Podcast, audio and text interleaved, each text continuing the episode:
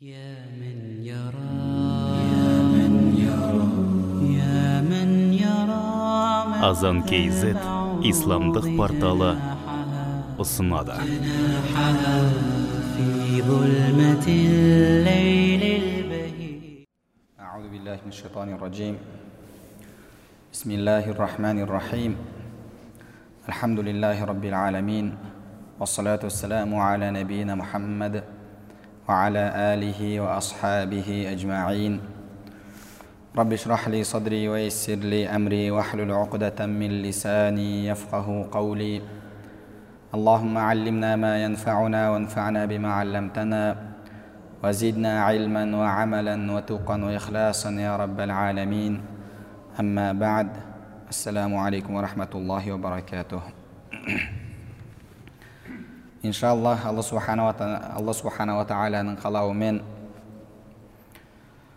тәзкияту нуфус нәпсін тәрбиелеу тақырыбындағы дәрістерімізді ары қарай жалғастырамыз біз өткен дәрістерімізде атаққұмарлық дерті туралы баяндаған болатынбыз және атаққұмарлықтан атаққұмарлық дертіне шалдыққан адамның істейтін амалы рия тақырыбына өткен болатынбыз. Және рияның жамандығы жайында рияның күнәсі ауырлығы жайында келген аяттар мен пайғамбарымыз саллаллаху алейхи уассаламның хадистерін оқып берген болатынбыз. Пайғамбарымыз саллаллаху алейхи уассаламның сахабаларынан да табииндерден де рияға қатысты сөздер келеді. Сол сөздерден бірде омар ибн хаттаб радиаллаху анху бір кісінің басын төмен қаратып намазда тұрған кезде бүріскен халде тұрғанын көреді сонда я сахибар рақаба ей мойынның иесі ирфа рақабатак мойныңды көтер лайсал хушуу фир риқаб иннамал хушуу фил қулуб алладан қорқу мойында емес алладан қорқу жүректе болады деген еді. Бірде әбу умамат әл бахили радиаллаху анху мешітте сәждеде жылап жатқан адамды көрген кезде әнта әнта ләу кәна хәза фи бәйтик сен қандай керемет жақсы адам болар едің егер осы ісің үйіңде болғанда еді деген. Егер осы ісің сәждеде жатып жылауың еңіреуің қиналуың үйіңде адамдар көрмей тұрған жерде түнгі намазда түнгі уақытта болғанда сен қандай керемет адам болар едің деген. Али радиаллаху анхудан келеді. Лил мураи тәләту аламат рия етуші адамның үш белгісі бар дейді яксал иза кәна вахдаху ва яншат иза кәна финнас жалғыз болса ерінеді адамдардың арасында болған кезде өзін ширақ сезінеді ويزيد في العمل إذ إذا أثنى عليه الناس وينقص إذا ذم және адамдар мақтаса амалын көбейтеді адамдар жамандаса ісін амалын азайтады дейді бірде убада ибн самит радиаллаху анхуге бір кісі келіп أقاتل بسيفي في سبيل الله أريد به وجه الله تعالى ومحمدة الناس мен қылышымды қолыма алып соғысамын алланың маған сауап бергенін және адамдардың мақтағанын қалаймын деді сонда убада ибн самит радиаллаху анху ла шей әләк саған еш нәрсе жоқ деді яғни алладан саған ешқандай сауап жоқ деді. Әлгі кісі екінші рет сұрады. Екінші ретте тура солай жауап берді. Үшінші рет сұрады. Үшінші рет сұрағанда тағы да солай жауап берді де артынша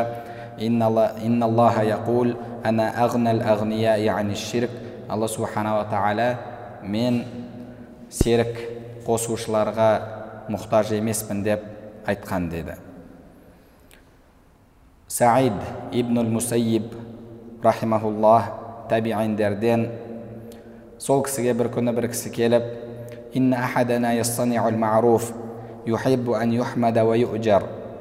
біздің біріміз жақсы амал жасайды мақталуды және сауапқа жетуді қалайды деді алланың ашуына қалауды қалайсың ба деді қала жоқ деген кезде егер алла үшін бір амал жасасаң ықыласпен бір алланың разылығы үшін жаса деді фудайль ибн аяд рахимахуллах айтады كانوا يراؤون بما يعملون وصاروا اليوم يراؤون بما لا يعملون өзінің кезіндегі адамдардың халін сипаттап айтады алдыңғы рия жасаушы адамдар өздерінде бар жасап жүрген амалдарын көрсетіп рия жасайтын еді. Қазіргі күннің рия жасайтындары өзінде жоқ нәрсені көрсетіп рия жасайды дейді. Яғни алдыңғы рия жасаушылар қазіргі рия жасаушылардан қайда жақсы еді дейді. Ең болмағанда олар өзінде бар нәрсені көрсетіп рия жасайтын дейді. Ал қазіргі адамдар өзінде жоқ істемейтін нәрсесін істейтін болып көрінгісі келеді деді. Рахимахулла айтады алла субханала тағала инналлаха юътил абда аля ниятихи ма ла юътихи аля амалих лианна нията ла рияа фиха алла субханала тағала адамның ниетіне амалына бермеген сауапты береді деді себебі ниетте рия жоқ дейді яғни сіз ниет жасап жатқан кезде ешкімге оны көрсете алмайсыз неге себебі ниет бұл жүректің амалы болып табылады сол үшін де алла субханала тағала адамның ниетіне амалына бермеген сауапты береді. Хасан радиаллаху анху айтады рия жасаушы адам алла субханала тағаланың тағдырын жеңгісі келеді дейді. Ол негізінде өзі жаман адам бірақ адамдардың оны жақсы ізгі адам деп айтқанын қалайды дейді. Адамдар қалай оны жақсы көрсін қалай оны мақтасын алла субханала тағала оны сол ісі үшін жек көріп тұр ғой және мүминдердің жүрегі бұны әлбетте сезеді дейді имам қатайда рахимахулла айтады егер пенде рия жасайтын болса рия жасайтын болса алла субханала тағала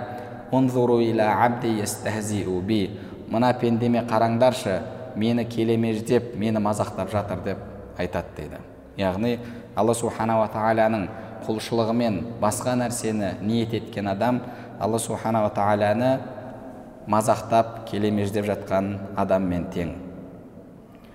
Мәлик ибн динар рахимахулла айтады әл құранды жат құранды жаттаған құран оқушы адамдар үш түрлі болады дейді құрраур рахман уа құррау дуния уа құрраул мулук біріншісі рахманның қарилары яғни алла үшін жаттап алла үшін құран оқып алла үшін үйрететіндер. Екіншісі уа құррау дуния дүниені талап етіп құран жаттайтындар дейді. Және үшіншісі уа құрраул мулук патшалардың қарилары дейді. Яғни ол патшаның бұлбұлына айналған патша үшін құран оқиды патшаның көңілінен шығу үшін әндетіп күнде алдында құран оқып береді. Мұхаммад ибн мубарак ассури рахмаулла айтады сен өзіңнің тақуалығыңды түнде көрсет. Түнде көрсеткен тақуалығың күндізгі тақуалығыңнан күшті. Себебі түнгі тақуалығың алла үшін ал күндізгі тақуалығың адамдар үшін деген. Тағы да ибрахим ибн адхам рахмауллахтан келетін сөз кімде кім аты шығуды қаласа ол адам алламен мәмілесінде шыншыл адамдардан емес дейді. Яғни бұл аяттар бұл хадистер мынау сахабалардан тәбииндерден және басқа ғалымдардан келетін әсарлар рияның қандай жаман қандай ауыр екенін көрсетеді. Енді рия дегеніміз не?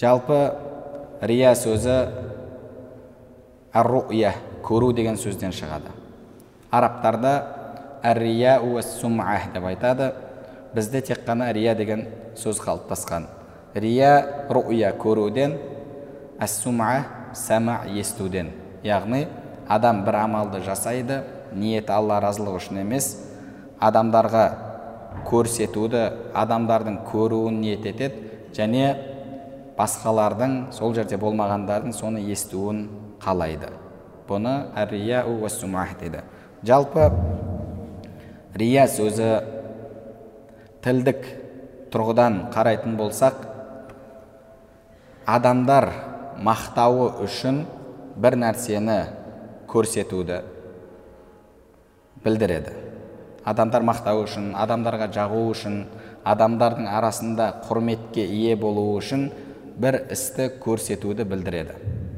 бұл рияның тілдік мағынасы. Ал шариғаттағы мағынасы бұл ирадатул ибади битаатиллах яғни адамдарға алланың құлшылығын жасау арқылы жағуды ұнауды қалау. Шариғаттағы мағынасы бұл дүние ісін жасаумен емес алланың құлшылығын жасап адамдарға жағуды адамдардың алдында атақ абырой жинауды қалау. Тілдік мағынасы кез келген амалды жасасаң ол рия болып есептеледі. Бірақ біздің мақсат тұтатынымыз шариғаттағы мағынасы алла субханала тағаланың құлшылығын адамдарға жағу үшін адамдардың арасында абыройлы болу үшін жасау. Осы шариғаттағы рия. Рияның бірнеше рукіндері бар. Бірінші рия жасаушы адам. Екінші сол рия ниетінде жасалынып жатқан істі көруші адамдар. Үшіншісі жасалынып жатқан амал. Төртіншісі жасаудағы ниет. Яғни бұл рияның рукіндері болып есептеледі. Негізгі бұл жердегі мәселе бұл рия ниетімен жасалынып жатқан амал. Жалпы адамдар осы амал мәселесіне келген кезде бес нәрседе рия жасайды екен. Бес нәрседе адамдар рия жасайды. Бұл діни мәселе болсын діндегі құлшылық болсын немесе діндегі болмаса да дүние иелері деп атайық. Дін иелері бар дүние иелері бар. Дін иелері де дүние иелері де рияны бес нәрседе жасайды екен. Біріншісі денедегі рия. Денесімен рия жасау. Дінде жүрген адам денесімен рияны қалай жасайды? Өзінің түрін құлшылық жасап жүрген тақуалықта жүрген адам етіп көрсетуге тырысады. Яғни адамдардың арасына келген кезде мысалы есінеуі мүмкін адамдар ойлайды а машалла мынау түнде ұйықтамаған екен енді түнде құлшылық жасаған шығар деп ойласын дейді. Немесе бағанағы түрін әбіржітіп әсіресе жаз күндері ораза кезінде адамдар қарап е мынау қиналып жүр екен мынау ораза тұтып жүр екен деп ойласын деген ниетпен осылай жасайды. Яғни бұны денедегі рия дейді. Бұлай дінде жүрген адамдар да жасайды және дүниеде жүрген адамдар жасайды дүниеде жүрген дүниені қалайтын адамдар да жасайды. Мысалы біреу әтейілеп қаттырақ жерде сәжде жасауы мүмкін. Неге? Мынау шекесінде із пайда болса сол ізді адамдар көріп о машалла мынау сәждені көп жасайды екен құлшылықты көп жасайды екен деп ойласын дейді және сол сәжденің әсері болып көрінсін дейді құранда алла субханала тағала сәжденің әсері олардың жүзінде көрініп тұрады деді. Кейбіреулер ойлайды сәжденің әсері деген яғни бағанағы шекедегі із деп ойлайды негізі ғалымдар сәжденің әсері ол емес дейді. Сәжденің әсері алланың адамның бетіне беретін нұры дейді. Яғни оның жүзі жылы болып жүзі сондай шырайлы болып тұруы бұл сол сәжденің нұры сәжденің әсері болып есептеледі. Ал шекедегі із бұл адамның терісінің жұмсақтығына немесе қаттылығына байланысты дейді. Яғни бір адам терісі қатты қанша жаса, құлшылық жасаса да қанша сәжде жасаса да оның шекесінен көрінбейді. Екінші бір адамның терісі әлсіз немесе терісі жұқа нәзік сәл бір қаттырақ басып қоятын болса көбірек сәждеде тұрып қоятын болса оның шекесі қызарып шығады шекесі қарайып әсері көрінеді. Яғни бұл жердегі негізі сәжденің әсері дегенде әсері деген аяттан мақсат адамның жүзіндегі алланың беретін нұры. Осы негізгі әсер болып табылады. Бұл сөзді негізінде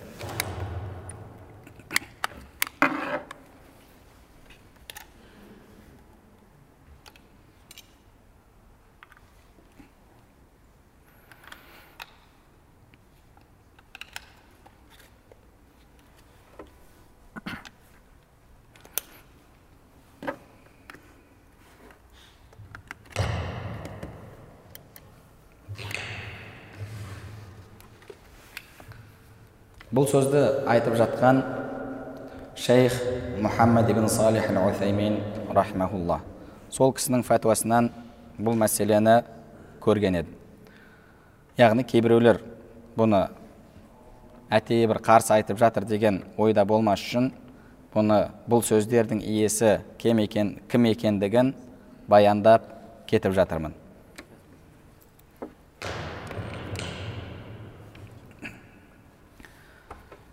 яғни адам осылай денесімен рия жасауы мүмкін.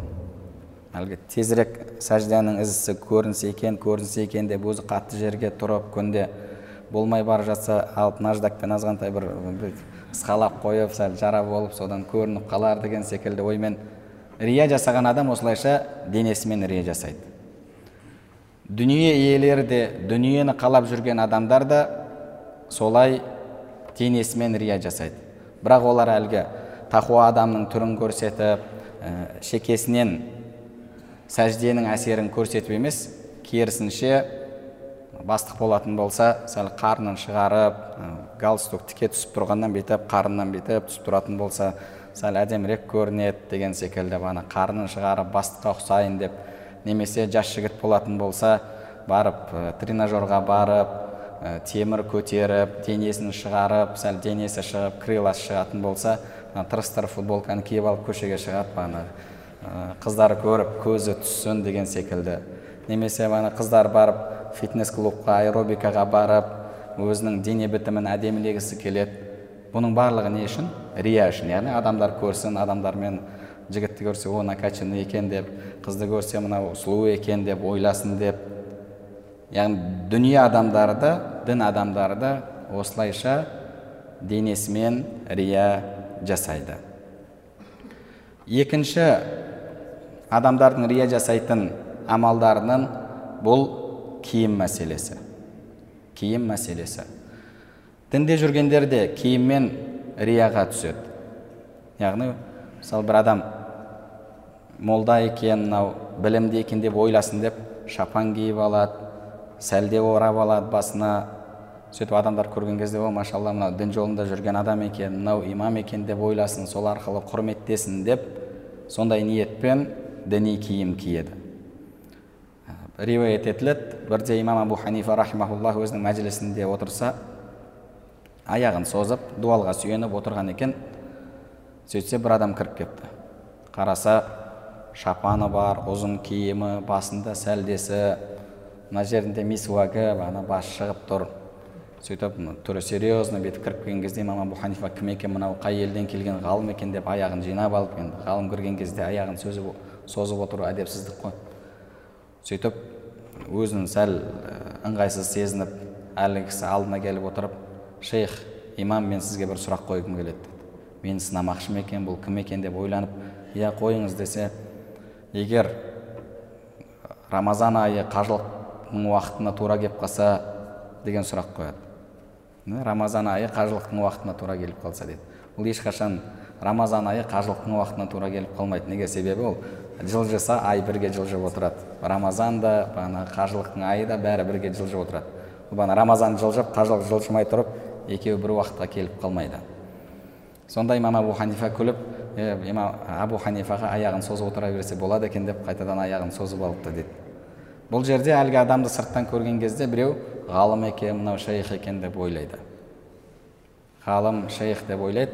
Сол үшін киім киеді. Немесе мысалы бір бауырымыз жанындағылар әңгіме айтпасын сен неге субханалла харам жасап жатсың? деп кейбіреулердің пікірінде харам ғой. Сөйтіп жанындағы достарынан ұялып мысалы балағын қысқартып алуы мүмкін. Біреудің ниетіне күмән келтіру емес. Жалпы мысал келтіріп жатқанымыз. Ал мысал негізінде талқыланбайды. Сол осылай тура осы секілді дүние адамдары да киімдерімен рия жасайды. Киімдерімен рия жасайды. Қымбат киім киеді қымбат костюм шалбар киеді қымбат бағанағы дубленкаларды киеді. Адамдар көргенде мынау бай екен мынаның ақшасы көп екен деп ойласын деп. Және сондай қымбат жерден киім алуға тырысады. Неге? Ертең адамдардың алдында мен бұл киімді мына жерде алдым деп немесе бағанағы қыздар мен балдардың әсіресе мынау ақшасы бар отбасынан шыққан қыздар мен балдардың әңгімелері мен мына жақта болған кезде миланда болған кезде шопинг жасадым мына киімімді сол жақтан алдым мынаны таиландқа барған кезде мынаны басқа жаққа барған кезде ана подружкасынан сен мына киімді қайдан алдың? Мен барахолкадан алып едім десе фуй деп бағанағы қалайша барахолкада жүресің? Терпеть не могу деген секілді бағанағы бір өзін көрсету үшін мен мынаны мегадан алдым немесе ана жерден ана бутиктен алдым деп арнайы бір сондай өзі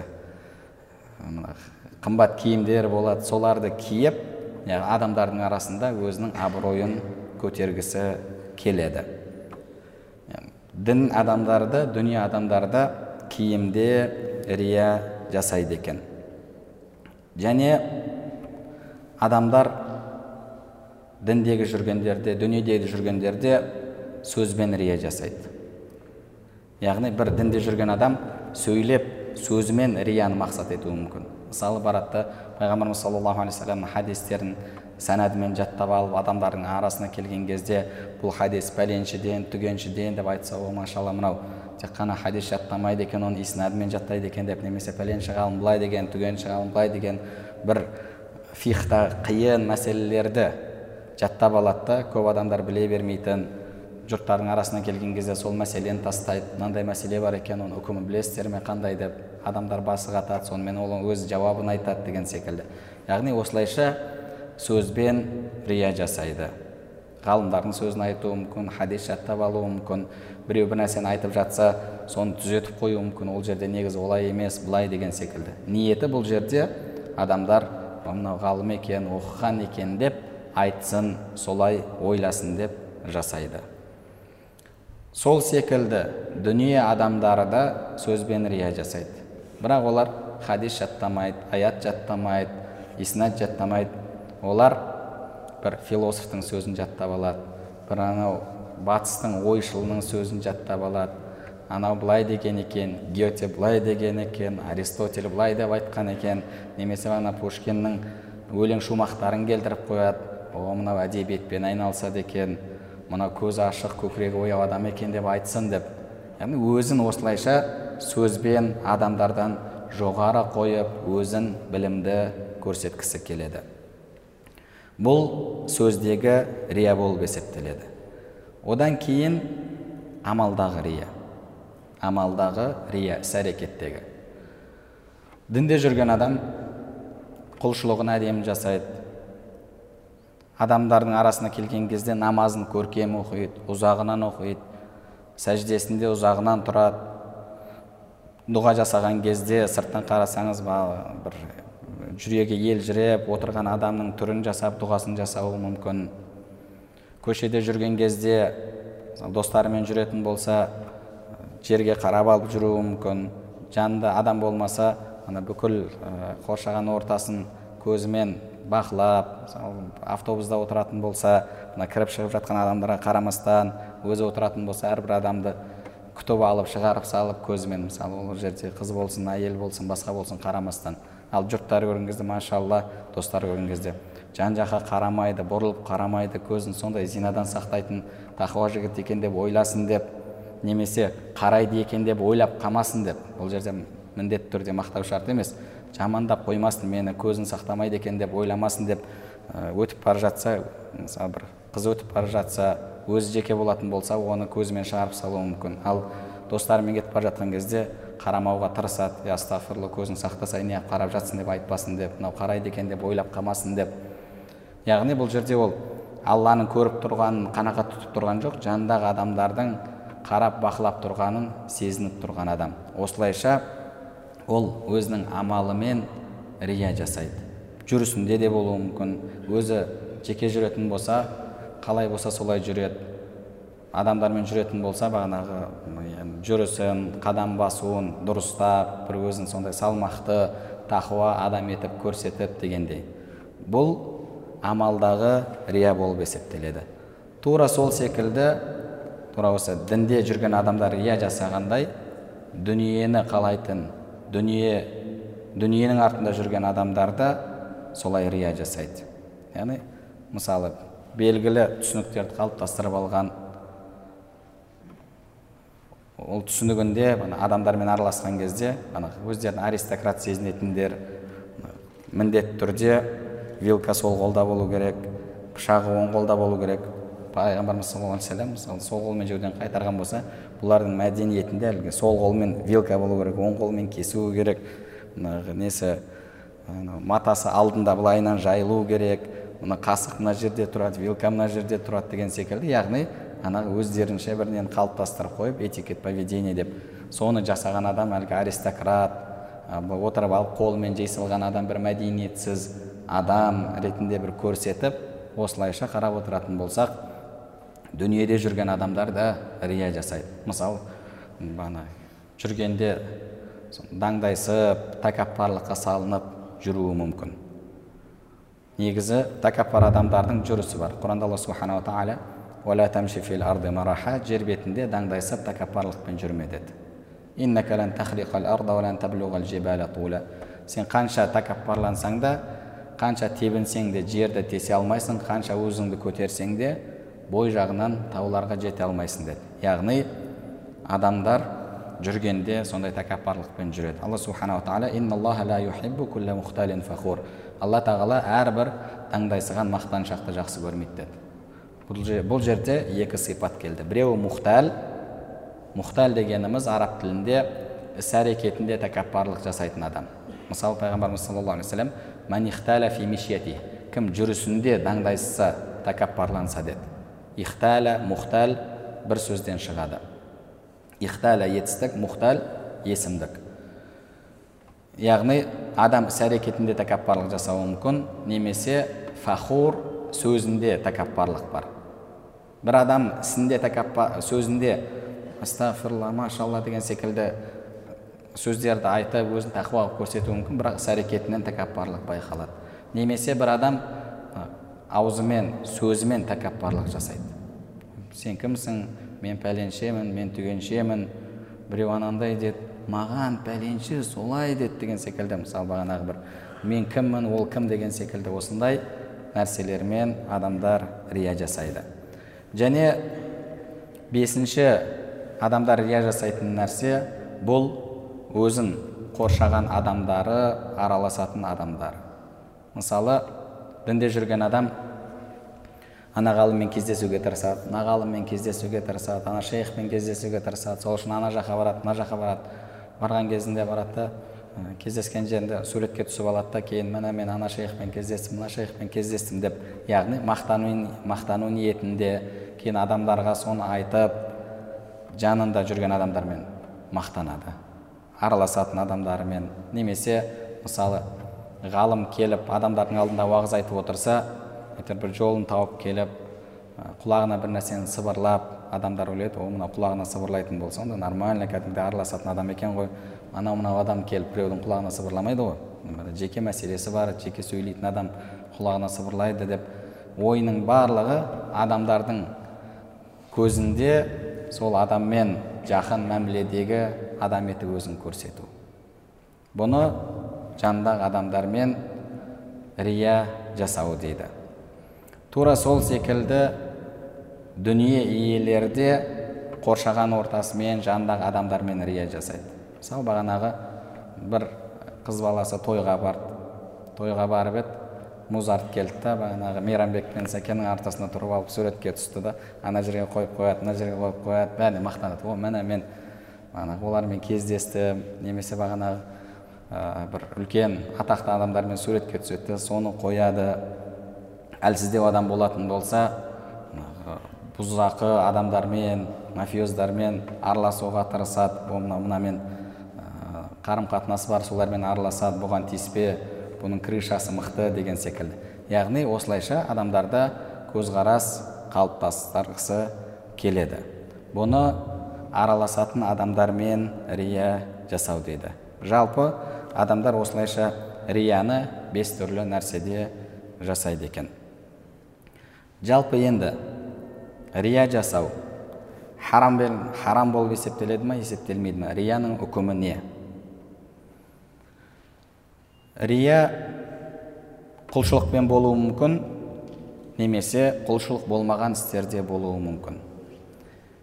Егер құлшылықпен болмайтын болса оның үкімі кәдімгі ақша табудың үкімі сияқты яғни адам рияны не үшін жасайды рияны ана адамдар құрметтесін адамдардың арасында абыройым болсын деп жасайды егер жасап жатқан ісі құлшылық болмайтын болса онда оған рұқсат етіледі бірақ өзінде жоқ нәрсені көрсетіп адамдарды алдамауы керек ал құлшылықпен рия жасау бұл харам болып есептеледі неге себебі? Құлшылық алла субханала тағаланың өзіне ғана жалғыз алла үшін жасалынады. Алла субханала тағаламен құлшылығына еш нәрсені серік етпесін деді алла субханала тағала. Яғни егер рия жасап жатқан амал дүние істері болатын болса ол жерде сіз өзіңізде жоқ нәрсені көрсету болмайтын болса онда бұл рұқсат етілген болып есептеледі юсуф алейхисалам айтты инни хафизун алим қандай жұмыс қалайсың деген кезде маған мына жұмысты бер мен ол жұмыстың маманымын жақсы атқара аламын деді. Бұл жерде мен намазды көп оқыдым мен құлшылықты көп жасадым сол үшін маған бер деген жоқ. Мен сол істің маманымын сол істі атқара аламын маған бер деді. Бұл жерде өзінде бар нәрсені көрсетіп жатыр.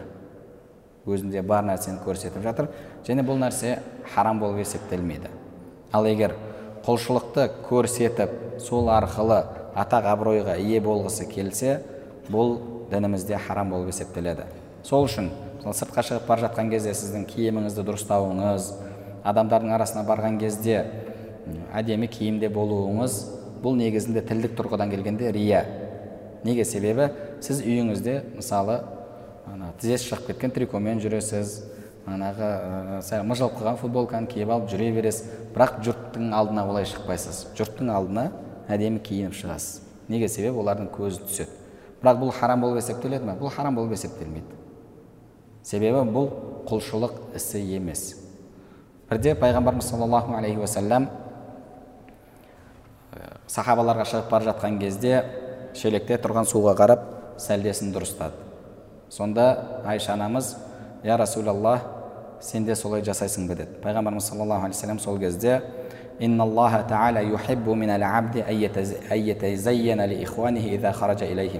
алла субханала тағала пендесінің достарына шыққан кезде әдеміленіп шыққанын жақсы көреді деді.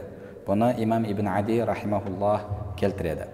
Енді пайғамбарымыздың жағдайында пайғамбарымыздың жағдайында бұл құлшылық болуы да мүмкін. Неге себебі? Пайғамбарымыз саллаллаху алейхи уассалам дінді жеткізуге бұйырылған. Дінді жеткізуге бұйырылған. Ал адамдар біреуді қарсы алған кезде сөйлескен кезде бірінші сөйлеспей тұрып таныспай тұрып киіміне қарап күтіп алады. Киіміне қарап күтіп алады. Сол үшін де бір имамның айтқан әзіл әңгімесі бар еді. Бір екі имам туралы. Бір имам бар. Уағызы жақсы. Өте жылы сөйледі сөзі тартымды. Екінші бір имам бар еді. Енді ода тура сондай қасиет жоқ бірақ ода вид бар. Ана виді вип вид да? Бағанағы кәдімгі имамның түрі сәлде шапан киген кезде дене бар бой бар деген секілді. Сонда бір имам әзілдеп күліп айтқан еді мына екі имам құдайға баратын болса адамдар пәленше пәленше кіріңіз деп анау виді барды соны айтып күтіп алады. Ал шығатын кезде пәленше пәленше деп анау екінші сөйлейтін адамды құрметтеп шығарып салады деп. Неге себебі? Адамдар бірінші көрген кезде адамның түріне киіміне қарап күтіп алады. Ал бірақ мысалы кіріп отырған кезде енді анау тартымды сөйлесе уағызды әсерлі айтса әлбетте адамдардың көңілі екінші жаққа ауады сөйтіп соны құрметтеп шығарып салады. Сол ал пайғамбарымыз саллаллаху алейхи дінді жеткізуге бұйырылды. Дінді жеткізуге бұйырылды. Пайғамбарымыз саллаллаху алейхи вассаламның киімінің әдемі болуы келбетінің әдемі болуы бұл сол дағуатқа тартады. Дағуатқа тосық болмайтын нәрсе. Сол үшін де ғұламаларымыз айтқан елшілер адамдарды жеркендіретін өзінен қашыратын аурумен ауырмайды деді. Неге? Себебі ол алланың дінін жеткізуге бұйырылды. Ал ауру адам сіздің жаныңызға келетін болса алапес адам келетін болса қотыр адам келетін болса сіз жанында тұрып сөйлесе алмайсыз. Ертең алланың алдына барғанда иә алла сен маған алапесті жібердің дінді шақыруға мен алапестің жанында қалай тұрамын оның сөзін қалай естимін деп ол соны құжат етуі мүмкін. Сол үшін алла субханала тағала елшілерді ондай аурулармен елшілерге ондай ауру жібермейді. Себебі ол дінді жеткізуге бұйырылған. Яғни жалпы рия дүние істерінде болады және дін істерінде болады. Егер дүние істерінде болатын болса ол рұқсат етіледі. Дін істерінде болатын болса бұл харам болып табылады. Және бұның күнәсі ауыр. Және бұның күнәсі ауыр. Яғни рия жасаған адам амалы күйеді. Амалы күйеді. Амалы күйгенде қалай? Мысалы сіз базарға шықтыңыз. Базарға шықтыңыз сізге біреу ақша берді. Алла разылығы үшін мә саған бір миллион теңге базарға шық та барып сауда жаса деді. Сіз сауда жасадыңыз жолыңыз ә, жүрмеді сауда жасай алмадыңыз дұрыс емес нәрсеге немесе өтпейтін затқа салдыңыз да күйдіңіз. Банкрот болдыңыз. Сіз бір нәрсе бір нәрсе ұтылдыңыз ба? Еш нәрсе ұтылған жоқсыз. Себебі сізден ақша шыққан жоқ. Біреу ақша берді сол ақшамен жұмысқа кірдіңіз. Ақшадан айырылған кезде ақшасыз халіңізге қайттыңыз. Яғни бұрынғы халге қайттыңыз болды еш нәрсе өзгерген жоқ. Ал енді рия жасаған адам амалы күйеді амалы күйіп амалсыз кезіндегі халіне қайтады ма? Олай емес. Ол үстіне тағы күнә алады. Үстіне тағы күнә алады. Себебі рия жасаушы адам құлшылықпен екі нәрсені істеп жатыр. Біріншісі алланың пенделеріне байланысты. Алланың пенделерін алдау. Олардың алдында ықыласты болып көрінеді олардың алдында тақуа болып көрінеді олардың алдында құдайдан қорқатын болып көрінеді негізінде олай емес. Бұл дүние дін істері былай тұрсын дүние істерінде харам.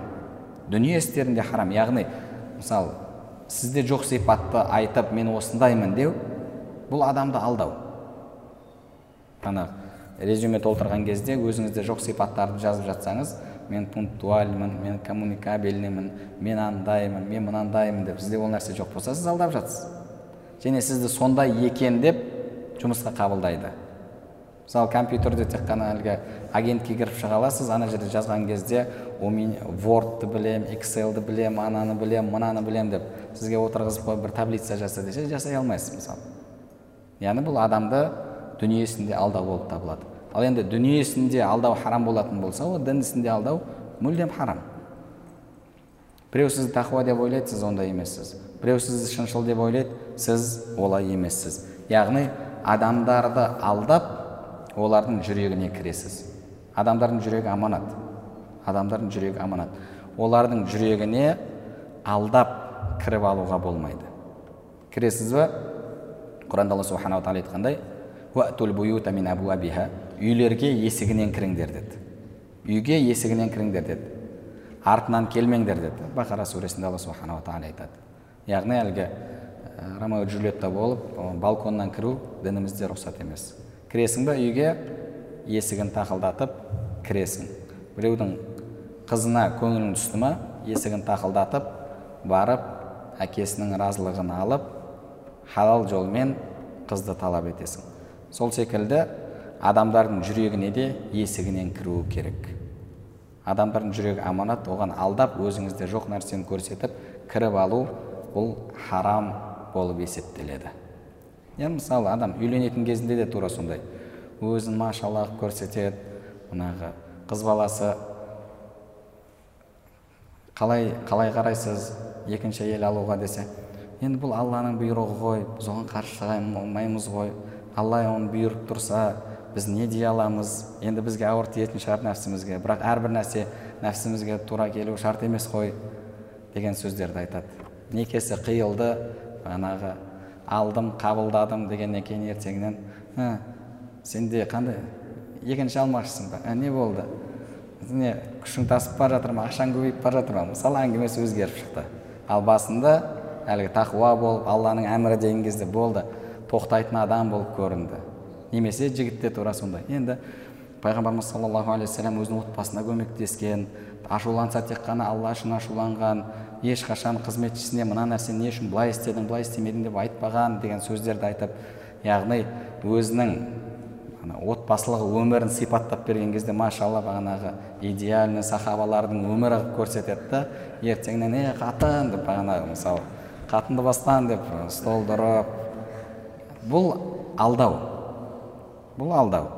Яғни маска киіп алыңыз да кейін маскаңызды шештіңіз. Бұлай адамдарды алдап жүрегіне кіруге болмайды. Өзіңізде жоқ нәрсені айтудың қажеті жоқ. Яғни сөйлесе адам фактілермен сөйлеу керек. Енді өміріме манағы ыдыс аяқ сықырламай тұрмайды. Бізде де мынандай бар ашу бар басқа бар. Екі жақтан да уступка болу керек деген секілді яғни реальный жағдайды айтып адам сөйлесуі керек. Әлгі бағанағы қиялда ұшып жүріп екеуі машалла бағанағы кім еді? Мәжнун мен ләйла болып өмір сүреміз деген секілді сондай сипаттап беріп кейін кірген кезде өмір басталған кезде басқаша болып жатса бұл адамды алдау болып табылады бұл харам болады. Яғни рияның бірінші жағы бұл пенделерге байланысты. Екінші жағы бұл алла субханала тағалаға байланысты. Бұл құлшылық аллаға жасалатын құлшылық. Алланың құлшылығын сіз текпешек етіп оны басып адамдарды қалау адамдарға жету бұл нәрсе харам болып есептеледі. Сол үшін де алла субханала тағала имам қатада рахмаулла айтқандай пенде жасап жатқан кезде алла субханала тағала қараңдар мына пендем мені мазақ етіп жатыр мына пендем мені келемеждеп жатыр дейді мен бұл келемеждеу бұл мазақтау неге себебі? Алла субханала тағала яғни әлемдердің раббысының құлшылығын адамдарға арнау оны текпешек етіп пайдалану. Бұл алланы мазақтамай не енді? Мысалы бір құл немесе бір адам патшаға барады да айтады о хан ием мен сізді жақсы көремін әр намазымда сізге дұға жасаймын имам ахмад айтқандай бір қабыл болатын дұғам болса соны басшыға арнар едім дегендей мен де сізге әрдайым дұғамды жасаймын сізді жақсы көремін сізге қызмет еткім келеді деген секілді сөздерін айтып сіздің қызметшіңіз болсам мана сізден ыстықты кетіріп жаныңызда желпіп тұрсам деп сөздерді айтып өзінің патшаға деген ықыласын білдіреді да патшаның жанына қызметке тұрады. Желпіп тұратын болып немесе жанында отырып бір мәслихат ойын айтады ой бөлетін бөлісетін кеңес беретін адам секілді болып жанында тұрады. А бірақ оның ойының барлығы патшаның күңдері бар ішінде оған ұнайтын қыздар бар. Келген сайын соларға көз қырын салып соларға көзін қысып яғни ішінде біреуін жақсы көріп қалғанда соған жақын болу үшін патшаға деген ықыласын білдіріп өтіріктен жанына кіріп алды. Патша бұны білетін болса не дейді? Айтады сен не сонда мені ана күнге жетуге бір көпір етіп пайдаландың ба дейді патша егер соны білетін болса ашуланады. Сонда бір күн сен үшін менен артық болғаныма деп оны өлім жазасына кесуі мүмкін. Ал енді әлемдердің раббысы алла субханала тағала ол біздің жүректеріміздегіні біледі. Жүректердің жүректер жасырған нәрсені және көздің қиянатын біледі деді. Көзден тез нәрсе жоқ. Сіз мысалы көзіңізбен қиянат жасауыңыз мүмкін. Ана ұрланып бір қарап қойып харам нәрсе өтіп кетуіңіз мүмкін оны басқалар байқамай қалады. Бірақ алла субханала тағала соны байқап тұр. Яғни сіздің жасырғаныңыз да жасырмағаныңыз да бәрін білетін алла субханала тағаланың құлшылығын алла маған ешкімді серік қоспа деп тұр. Соны енді адамдарға арнау бұл әлбетте алланы мазақтау алланы келемеждеу алланы яғни әлбетте ешкім олай істей алмайды бірақ алланы аяқ асты ету секілді болып табылады. Сол үшін де бұл үлкен харам іс болып есептеледі. Ал енді рияның деңгейін ғұламаларымыз құлшылықтағы бөледі. Рияның деңгейі сондай болуы мүмкін. Мысалы кейде сіз риясыз бір нәрсені жасамайсыз. Рия ниеті болмаса сіз ол істі жасамайсыз. Рия ниеті болған кезде сол істі жасадыңыз. Ғұламалар айтады бұл адамның амалы күйіп кетеді деді. Екінші бір адам бар. Рия болмаса да адамдар көрмесе де ол амалды жасайды. Бірақ адамдардың көруі оны бір ширақтандыруы мүмкін деді. Ширақтандырып оған сәл бір дух беруі мүмкін деді. Бірақ ол рия болмаса да адамдар көрмей тұрса да сол амалды жасайды деді. Бұл адам енді алла субханала тағала бұл адамды әлгі құранда айтқан жақсы амал мен жамал аман, амалды араластырған алейхим алла олардың күнәсін кешірер деген иншалла адамдарға кіріп қалар дейді иншалла сондай адамдарға кіріп қалар деп айтады ал енді адамның қандай құлшылықтың түрлерінде рия жасауы мүмкін және оның деңгейі қалай оның үкімі қалай алла нәсіп етсе оны келесі дәрісімізде үйренетін боламыз. Алла субханала тағала бәрімізді риядан осындай кіші ширктен сақтасын. Алла бәрімізге ықылас нәсіп етсін бәрімізге пайдалы білім нәсіп етсін білімдерімізге амал етуімізді және амалдарымыздың қабыл болуын нәсіп етсін. Субханак бихамдик. Ашхаду ан ла илляха илля ант астағфирук уа атубу илейк және хабарландыру алдағы сәрсенбі күні сапарда болатын едік сол себепті алдағы сәрсенбіде сабақ болмайды келесі сенбі күні иншалла алла нәсіп етсе